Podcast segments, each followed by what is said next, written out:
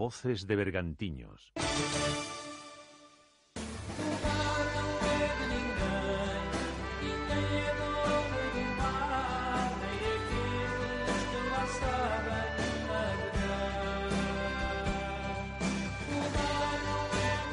Radio Voz Bergantiños. Costa da Morte, de cabo a cabo.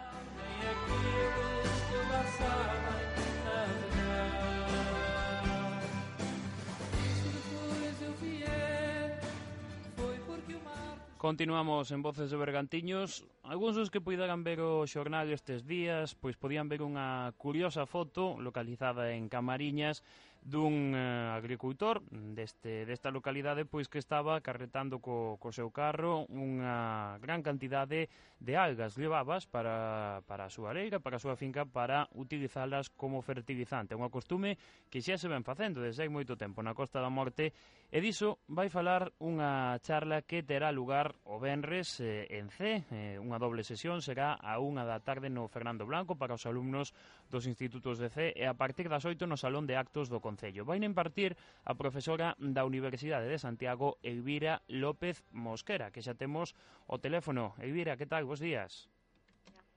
Esta costume, como dicimos, que na Costa da Morte xa non é xa non é de agora, xa é unha costume que se ven facendo desde hai moitos anos e que, pois, basicamente ten moito que ver coa, coa situación costeira que, que temos aquí.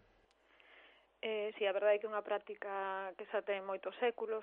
Eh, o, que me, o que me chama a atención é o eh, si é unha foto actual, esa da que falaba desde de, de Camariña. Sí, unha foto unha destes foto días, de ahora, destes, destes días, días ah, pois pues, alegrome moito porque así terei a ocasión de falar si hai xente no Concello, supoño que sí, que así que os siguen empregando por ali, e, eh, e así podemos facer un intercambio de coñecemento que é un pouco tamén do que se trata, non? Eh, sí, unha práctica moi antiga, o que pasa que hoxendía a verdade é que se fai moi pouco, é máis ben anecdótica, non? Porque porque bueno, a, a recollida de algas é unha tarefa costosa, porque as algas son teñen moita humedade, teñen moita auga, e entón non hai unha recollida mm, eh, mecanizada, por así decirlo, non sei moi ben como se fai na Costa da Morte, pero bueno, nós temos estudios de outras zonas, eh, de, de outras zonas de Galicia e, e bueno, a recollida hai algo mecanizado en algúns sitios, pero pero pouco, non? E logo por outro lado, por exemplo, nas Rías Altas é máis é máis eh, difícil porque son zonas acantiladas, entón o acceso ás praias é máis complicado eh, é algo no que habría que no que habría que traballar, non? Porque o que si sí está claro é que as algas constituen un recurso eh natural importante que que que teñen unha calidade como fertilizante extraordinaria e que e que e que estaría ben, non? Facer abonos a partir desas algas eh, ou, ou ou empregalas como se empregaron sempre, en fresco, secas, bueno, de distintas formas, non?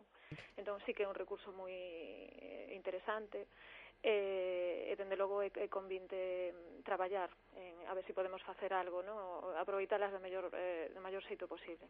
En Galicia están facendo moitas cousas con algas ahora mesmo, eh, sobre todo a nivel alimentario, cosméticos, etc. Non teñen moitas aplicacións, moitas utilidades, pero no, no eido agrario a verdade é que é unha práctica pouco pouco empregada, non? Hoxe en día por todos os motivos que decíamos, non? E que teñen as algas, Elvira, para ser tan boas como fertilizantes? Que componentes, que características teñen para, para que poidan pois axudar a, ao crecemento das plantas? Sí, bueno, teñen varias ventaxas, por exemplo, con respecto a outro tipo de, de abonos, non? Eh, son un produto natural, eh, que non levan eh, sementes de malas ervas nin, nin patóxenos, que a veces ocurren, por exemplo, en determinados abonos orgánicos que non están ben fermentados.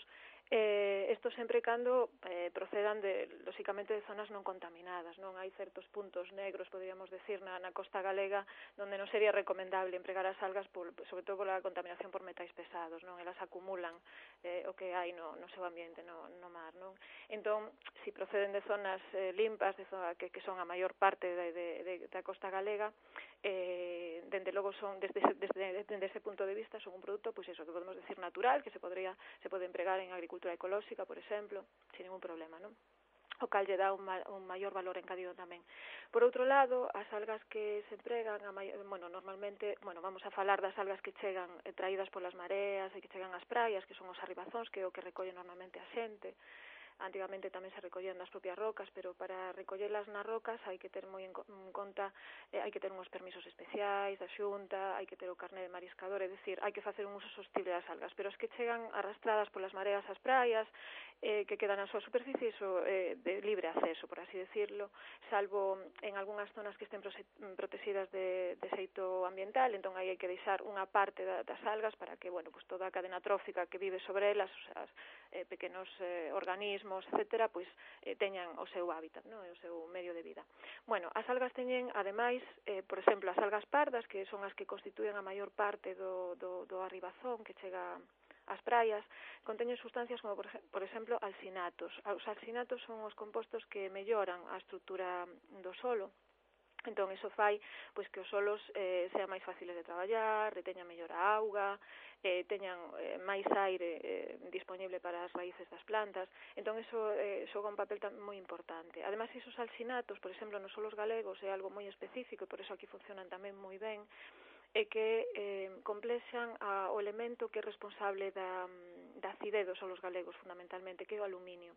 Entón, estas, estos compostos complexan o aluminio e quedan libres outros nutrientes que son importantísimos para a planta, como por exemplo o fósforo. Non? Entón, eh, melloran a disponibilidade do fósforo, aportan sobre todo, as algas son moi ricas en potasio. E por eso os agricultores sempre as, as, as reservaron para, por exemplo, para o cultivo da pataca. A pataca é moi exigente neste elemento, en potasio, entón as algas llevan moi ben. E tamén son ricas en micronutrientes, en ferro, en manganeso, en zinc, en boro o cal lle dá tamén calidad, non? Logo os produtos e por eso sempre as algas se reservaron mm, cando había menos para a horta, non? Para produtos de maior calidade teñen tamén certo poder encalante porque cas algas sempre van mesturadas pois areas, co, eh, pedaciños de, co, de cunchas, etc. E tamén hai algas calcarias específicas, entón aí tamén teñen un papel, son un papel moi importante na, na, na mellora da calidade dos solos galegos, que son ácidos. E, e despois tamén a nivel eh, bueno, a nivel mundial se, se empregan bastantes, están cada vez eh, empregando máis estratos feitos a base de algas, non? Eh, nesto hai que ser cauto porque, bueno, a veces se venden cousas que non, non teñen moito que ver co, co que contén o produto, pero sí que se sabe que os estratos de algas lle dan ás plantas, por así decirlo, unha maior, lle confire unha maior resistencia frente a, a estreses, non? Que poden ser, pois, eh, pois un exceso de temperatura, sequía ou, ou algún, algunha enfermedade, algún patóxeno. Entón, as, as plantas que reciben esos extratos de algas, eh, por así decirlo, como que as persoas, eh, por exemplo, mellora a súa inmunidade cando toman determinado composto, pois neste caso estas plantas tamén uh -huh. son máis resistentes logo ás, ás enfermedades, non? Cando se empregan estratos de algas.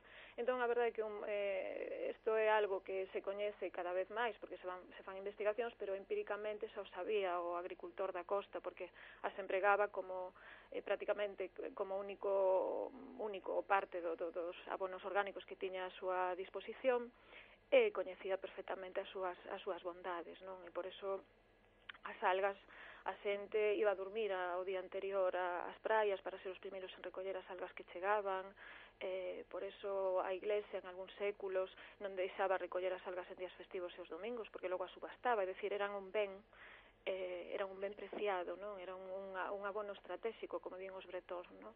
Entón, a verdade é que, dende o punto de vista, de vista da fertilidade, eh, como fertilizante, pois, eh, constitúe un abón de moita calidade. Non? Uh -huh. A verdade é que sí que teñen moitas ventaxas. Eh, eh, ten, eh, se cadra mellor utilizar algas para determinado tipo de, de plantas, de, de cultivos, ou podes utilizar en xeral para, para todos? Hai algúns que, que teñan máis beneficios por, por ser fertilizados con algas? Era un pouco o que decíamos, as algas se xa sabían os, os labregos de, de, de fai moito tempo que a reservaban especialmente para os cultivos de horta, non? Uh -huh.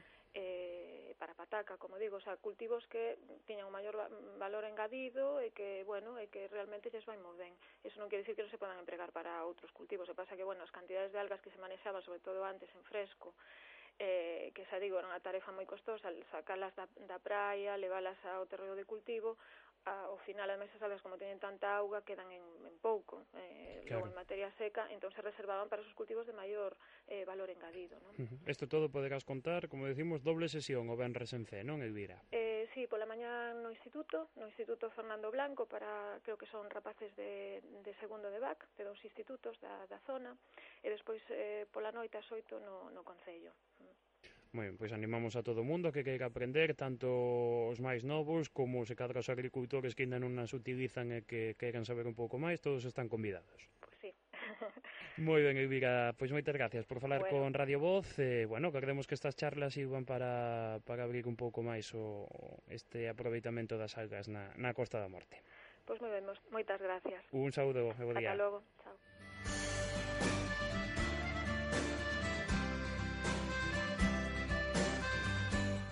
Estas xornadas a conservación do medio natural, tarefa común que organiza a Universidade de Santiago, como dicimos, chegan á Costa da Morte. Será en C, o Benres a partir da unha da tarde no Instituto Fernando Blanco e ás oito no Salón de Actos do Concello. Ali estarán, con quen falábamos, a profesora da Universidade de Santiago, a directora do Instituto de Biodiversidade Rural Biodiversidade, perdón, agraria e desenvolvemento rural, con que, con que falábamos agora, Elvira López e tamén a estudante de doctorado Marta Illera Vives. Ademais, a charla estará moderada pola xornalista Noa Díaz Varela.